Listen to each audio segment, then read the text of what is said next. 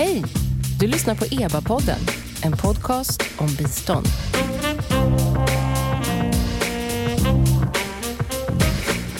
Hej och välkomna tillbaks till EBA-podden. Jag heter Noomi Östlund och den här podcasten ges som vanligt ut av Expertgruppen för biståndsanalys, EBA.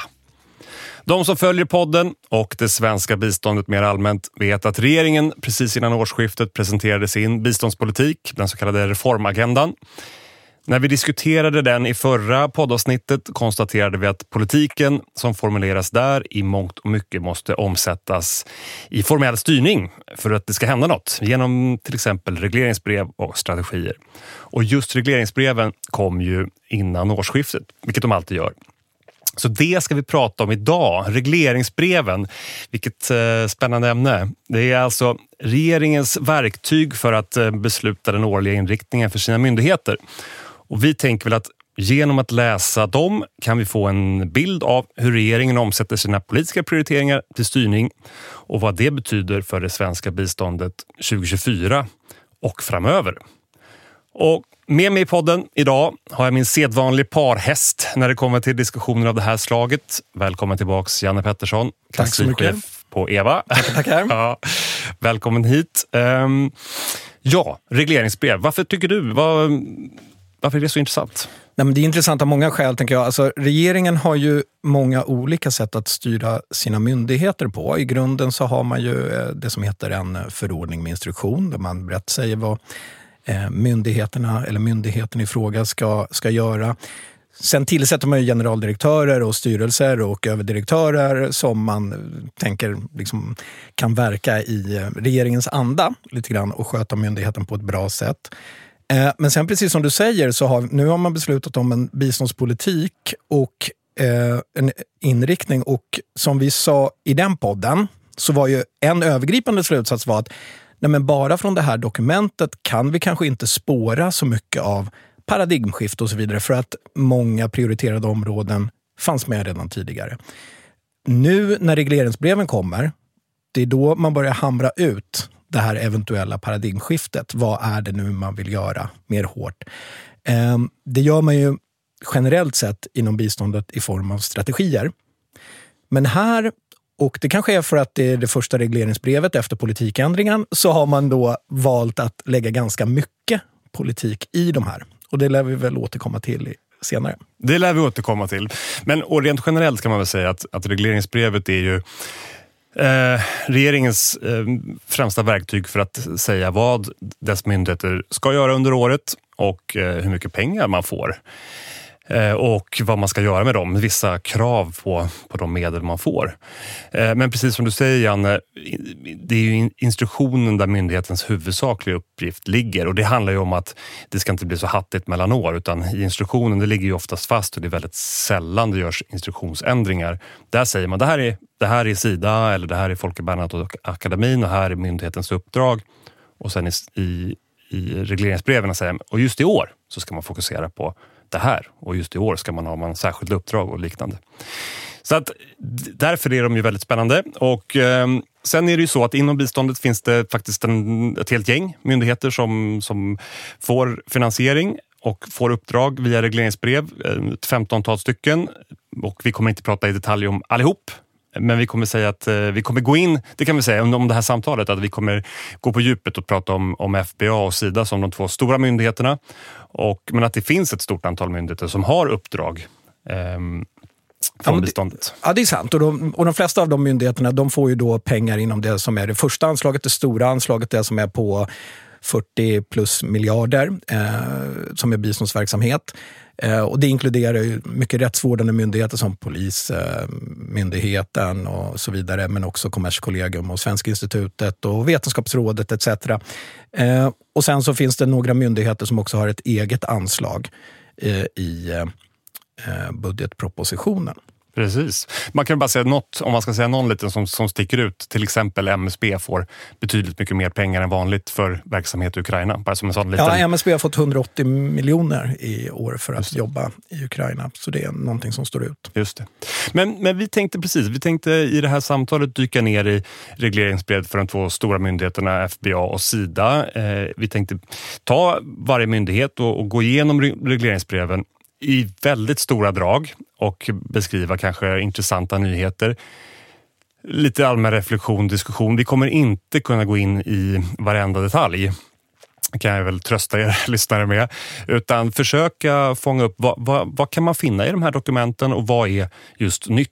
och vad ser vi som, som liksom kan spegla regeringens nya politik och nya ambitioner i de här regleringsbreven? Ja, ska vi börja med Folke Bernadotte-akademin då? då? Ja, som är den göra. Eh, näst största eh, mottagaren, eh, myndigheten, Just det, och, inom utgiftsområde 7. Just det, och det kan vi säga bara som, som lite struktur att varje regleringsbrev enligt standard är uppdelad i två delar. Vi kommer prata lite verksamhet och, och vi kommer prata lite finansiering och lite reflektioner för både Sida och FBA. Så men, men om vi börjar mm. med, med FBA, där, men där finns det något intressant redan innan vi kommer in på verksamhet. För innan dess, det finns ett, ett intro som säger vad, vad myndighetens uppdrag är som hänvisar till instruktionen som vi varit inne på.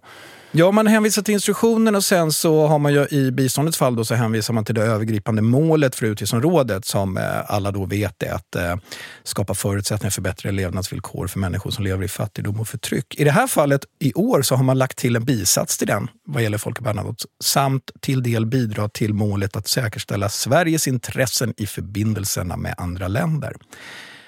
Exakt varför det står där Eh, och vad man ska göra av det, det eh, kan inte jag säga att jag vet. Eh, så, och för att kanske inte spekulera för mycket så nämner vi kanske bara att det står där. Det står där, ja. det är spännande.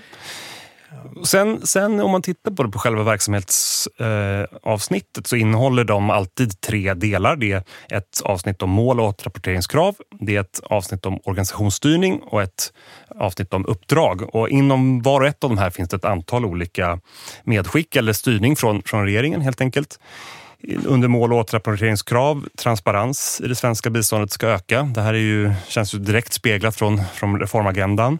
Och, och det kan man säga generellt sett att det, det, är ju, det är ju mycket i regleringsbreven som speglar eh, reformagendan och ambitionerna i reformagendan. Så att det är någon form av eh, liksom, försök att tydligt få ut en ny politik. Och det gör ju också att utöver transparensen som finns med i de flesta regleringsbrev jag har sett så finns det här eh, en eh, punkt om valobservation och det speglar ju att man har en punkt i, i eh, reformagendan om eh, valstöd.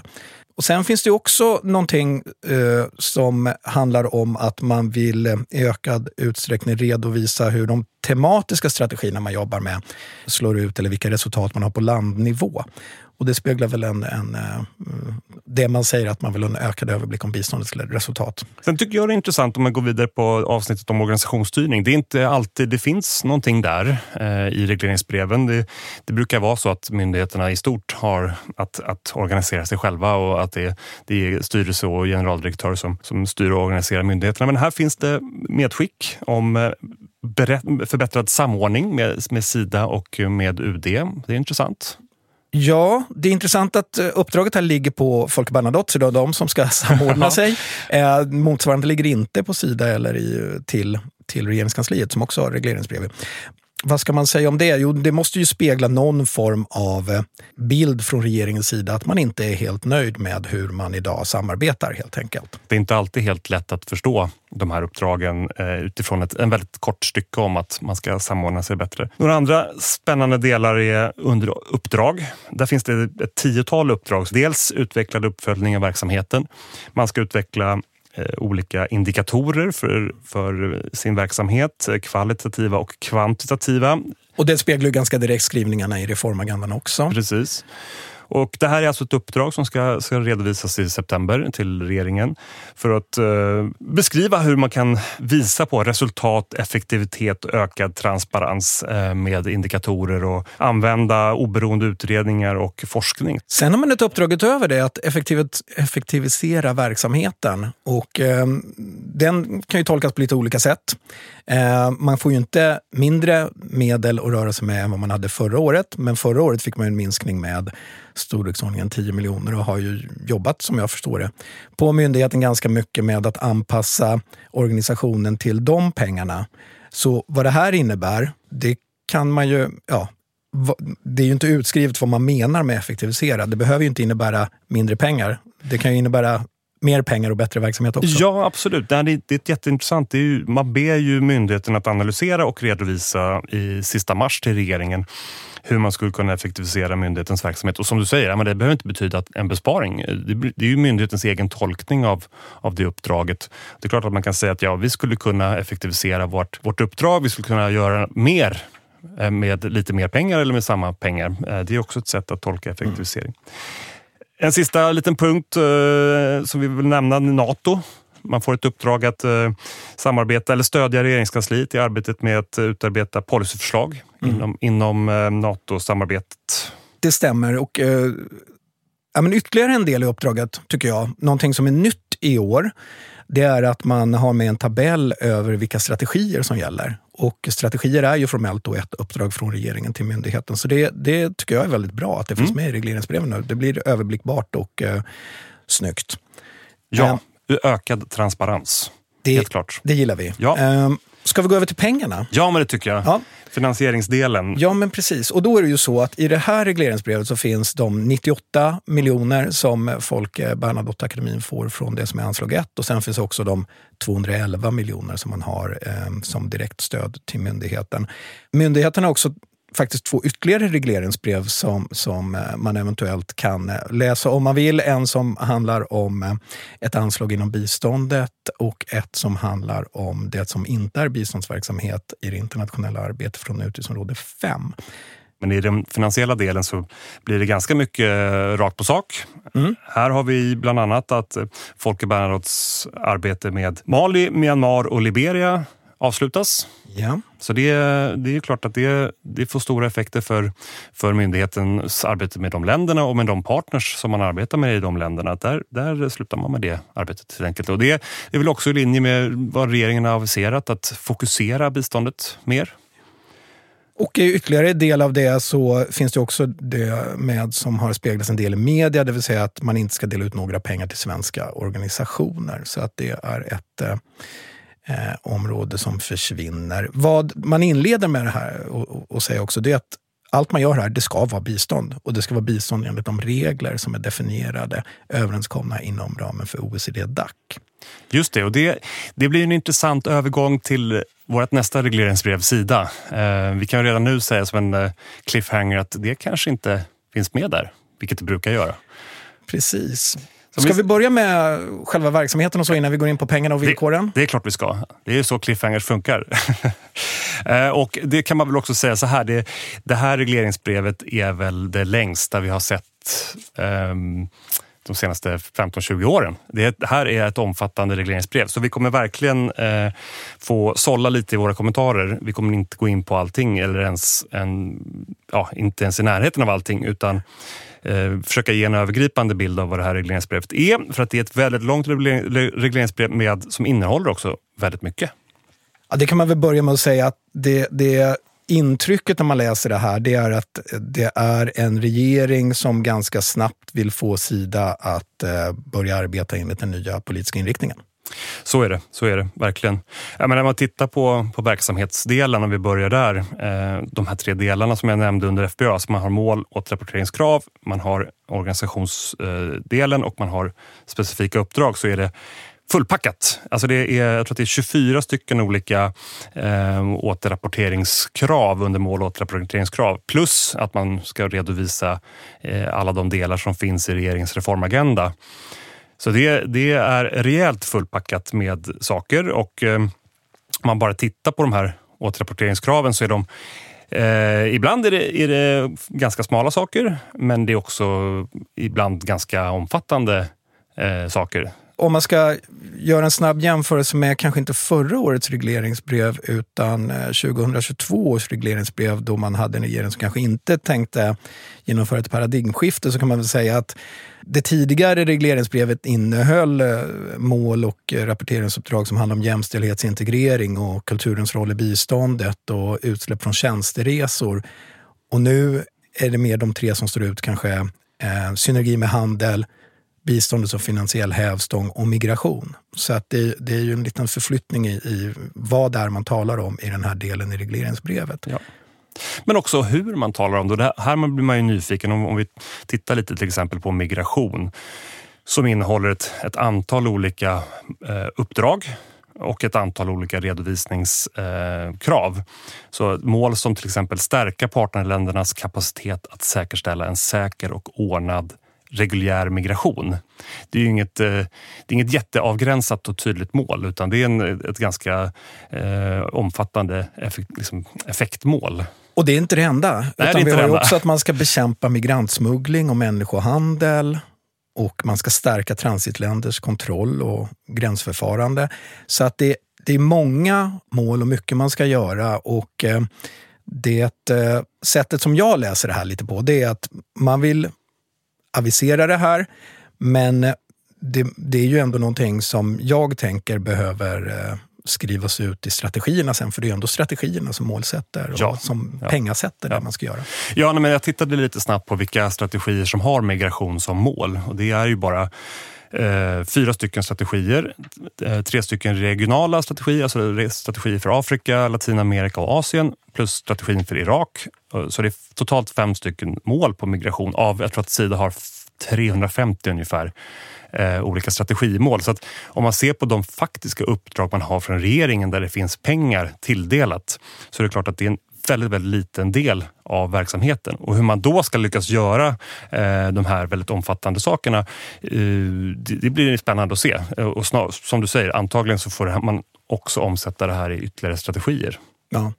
Vad man kan eh, notera i en läsning av de här, det är att vissa delar innehåller ju ändå saker som man tycker kan ha en ganska naturlig plats i regleringsbrev, det vill säga att man vill fokusera på ökat, ökad samverkan mellan myndigheter och mer samarbete.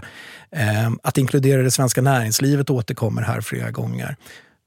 Absolut, ja, men det, det finns ju, det, det, är väldigt många saker eh, och eh, det, det, det, är både väldigt specifika saker, man ska öka samarbetet med Migrationsverket till exempel och det är, är mer effektmål. Och eh, vi ser också saker som återkommer när vi tittar på som utifrån eh, vår läsning av FBA. Vi ser transparens, eh, vi ser eh, ett mer effektivt bistånd. Eh, vi ser det här med eh, indikatorer som återkommer. Så det finns ju en, en röd tråd mm. mellan de olika också. Och något som alltid är återkommande är att man anger hur man vill att Sida i årsredovisningen ska redovisa biståndets eh, resultat. Och det har ju varit tidigare efter en tematik som speglade det som hette policyramverket. Eh, och nu så skriver man istället en tematik som passar reformagendan mer. Just det. Och det handlar väl om hur man sen vill skriva eh, sin resultatrapportering i budgetpropositionen nästa år. Just det, så det blir spännande att se. Och det kan man väl säga att alla de olika uppdrag som finns här under mål och återrapporteringskrav, det är sånt som eh, ska redovisas normalt sett i årsredovisningen. Så det blir en fullspäckad årsredovisning till nästa år, kan vi väl redan nu förutse.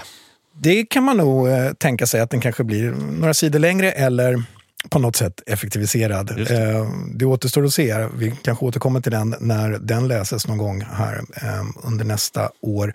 Regleringsbrevet här har tre punkter om organisationsstyrning.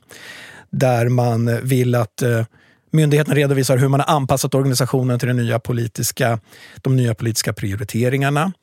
Eh, det kanske är ganska naturligt att man vill det och vill instruera myndigheten det.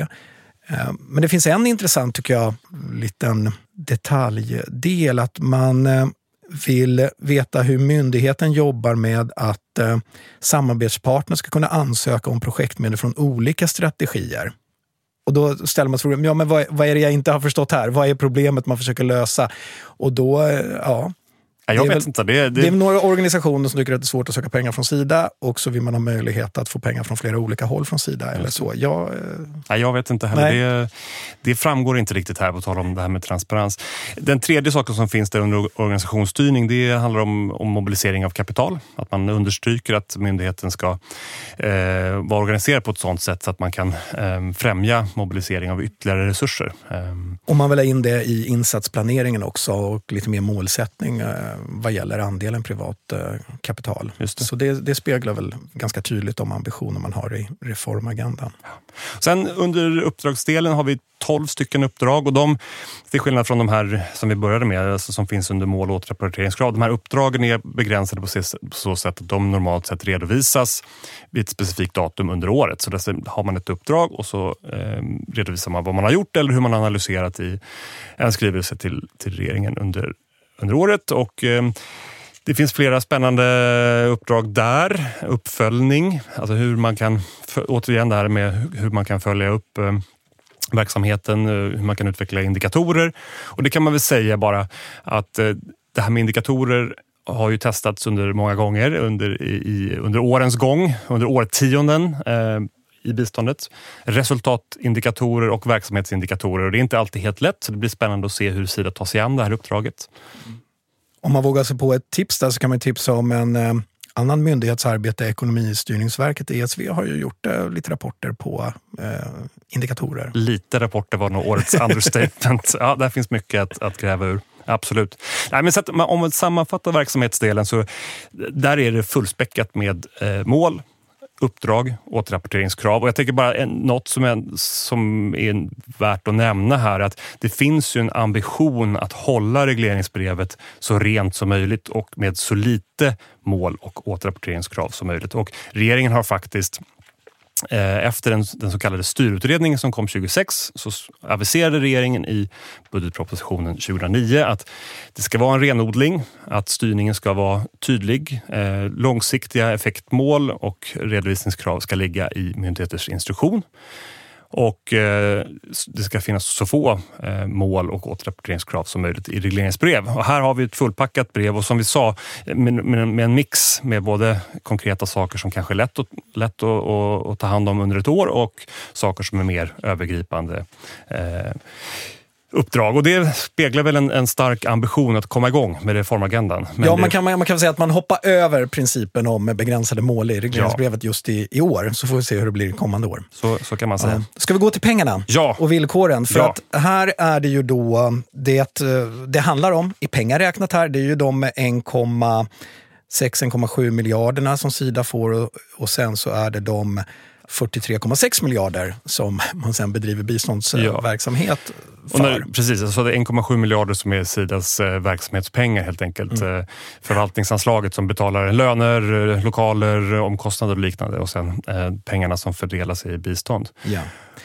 Och, Och där, finns, kan- ja, där finns det massor med spännande saker. Det finns massor med spännande och vi kanske, jag, jag kan börja med att säga att en, om man skulle läsa den här med eh, lite eh, satans ögon och göra en hårdragning så kan man säga att vad som egentligen står i första meningarna här, det är, det kan tolkas som att i år får ni göra egentligen vad ni vill med pengarna så länge de följer eh, ambitionerna i reformagendan och det behöver inte vara bistånd. Så är det. det, det normalt sett så brukar det stå som, precis som vi nämnde, det stod i, i FBAs regleringsbrev att biståndspengarna ska användas enligt, till det som Eh, som OECD-DAC har, har definierat som bistånd. Det, den skrivningen finns inte med här, så det finns inte ett uttryckligt krav att de pengar som utbetalas ska vara Eh, bistånd enligt eh, OECD-DACs definition. Och sen brukar den andra skrivningen som är att pengarna ska användas i linje med eller utifrån regeringens strategier. Det är ju regeringen som har beslutat vilka mål som ska uppnås och hur mycket pengar som, eh, som fördelas till olika, olika strategier. Så här, hur mycket pengar går till de målen ska uppnås i Zambia, i, i Afrika regionalt och så vidare. Här kan man enligt regleringsbrevet alltså bortse från båda de kraven. Det behöver inte vara bistånd och det behöver inte vara enligt eh, strategierna. Så det, det är spännande. Ja, just det. Och skrivningen som vi syftar på det är ju då att det står att man ska följa strategierna, använda det till verksamhet i enlighet med strategierna eller till verksamhet som beskrivs i regeringens reformagenda. Så att det, det ger ju ganska fria tyglar. Det gör Grattis det. Ida! Ja, ja det, blir, eh, det ska bli spännande att se hur de tolkar det. Eh, Det får man ju säga. Om man går ner på lite andra, eh, eh, några andra bitar här. Från det mest spännande, kontroversiella, men, men en annan sak som, som regeringen gör det är att man ändrar kraven för hur snabbt Sida ska fasa ut strategier som går ut. Förut eh, har det varit krav på att... Eh, att eh, man kan egentligen säga att, att jag tror att man vill, man vill oms, kunna omsätta sin politik eh, snabbare. Förut har det varit så att har man en strategi så ska man såklart, avtal måste få löpa ut även om strategin har, löpt ut och det har funnits nyckeltal för hur snabbt de här, liksom, avtalen löper ut. Nu har man tajtat till det där och det kanske är en, en, en, ett tecken på att man ser framför sig att besluta nya strategier snart och då vill kunna omsätta dem så fort som möjligt. Eh, Och på tal om strategier som går ut, man avslutar också ett antal strategier. Ja, men det gör man. Någonting som eh, blev lite skrivet om i media, det var ju ja, dels att man plockar bort Kambodja ur demokratipengar för Asien. Eh, och sen så fasar man ju ut eh, Burkina Faso, Mali och eh, Sydsudan. Under året, ja. Precis. Så det är klart att det, eh, det är också relativt mycket i linje med, med den liksom, fokusering som man aviserade i eh, reformagendan. Där man sa att vi, vi ska ge bistånd till färre länder. Så att, då ser vi direkt att det får effekt här. Och sen ser vi också en översyn av Guatemala. Mm. Får vi se vad, vad som händer kanske under året. En ytterligare eh, punkt här tycker jag som eh, man noterar det är ju stödet till det som eh, vi nördar kallar PAO, det vill säga partianknutna organisationer, det vill säga de organisationer som kopplar, biståndsorganisationer som kopplar till de politiska partierna. Och där har man gjort om stödet och nu i år ska en del, och eh, avisera tror jag framöver en större andel, bli Eh, fördelat enligt de mandat man har i riksdagen. Det är något nytt, det är en förändring och det kan man eh, nog kritisera från ett effektivitetsperspektiv. Eh, det som är en eh, intressant vidare skrivning i den här punkten det är också att man kan i undantagsfall så behöver de här pengarna inte användas eh, för det som är bistånd enligt OECD-DACs regler. Ja, det är spännande. Man kan alltså ha, genomföra projekt i länder som inte är biståndsländer. Så det, ja, det, det, det blir spännande att, följa det, eh, hur de här pengarna kommer fördelas. Så det här är ju någonting som har debatterats friskt också. Så att, eh, men där hittar vi alltså det i regleringsbreven. Ja, Janne, det, vad ska, hur ska man sammanfatta det här? Det är alltså eh, klart att de politiska ambitionerna de syns tydligt i regleringsbreven i år. Det gör de och eh, vad man tänker jag också kan nämna det är att det här är ju årets första regleringsbrev. För att de brukar ju ändras ganska många gånger och eh, ibland ändrar de sig bara för att regeringen har fattat ett nytt beslut om kärnstöd till olika multilaterala organisationer. Men de ändras ju också genom att man för in nya uppdrag och regleringar och eh, vi får väl se om det blir ändrade formuleringar i det här gör vad ni vill med pengarnas sida. Eh, så att eh, förra året så var det ju jag tror 11 stycken regleringsbrevsändringar. Så att det kommer komma nya. Och då kanske det inte kommer någon ny podd, men man kan vara medveten om att eh, när Så man lyssnar på det här slutet på året så kanske regleringsbrevet inte ser exakt ut som det vi har presenterat Precis. nu. Och det kan väl säga att regleringsbreven hittar ni enklast hos Ekonomistyrningsverket, ESV. Det är den så kallade statsliggaren, alltså esv.se. Eh, där hittar ni det. Men ja, tack för det Janne Pettersson, kanslichef på EBA. Tackar, tackar. Och eh, på EBAs webb hittar ni eh, fler poddar, eh, bland annat de som vi har refererat i samtalet idag om budgetproppen och om eh, regeringens reformagenda. Men också massa spännande rapporter och seminarier. Så missa inte det. Jag heter Noomi Östlund och tack för att ni har lyssnat på EBA-podden.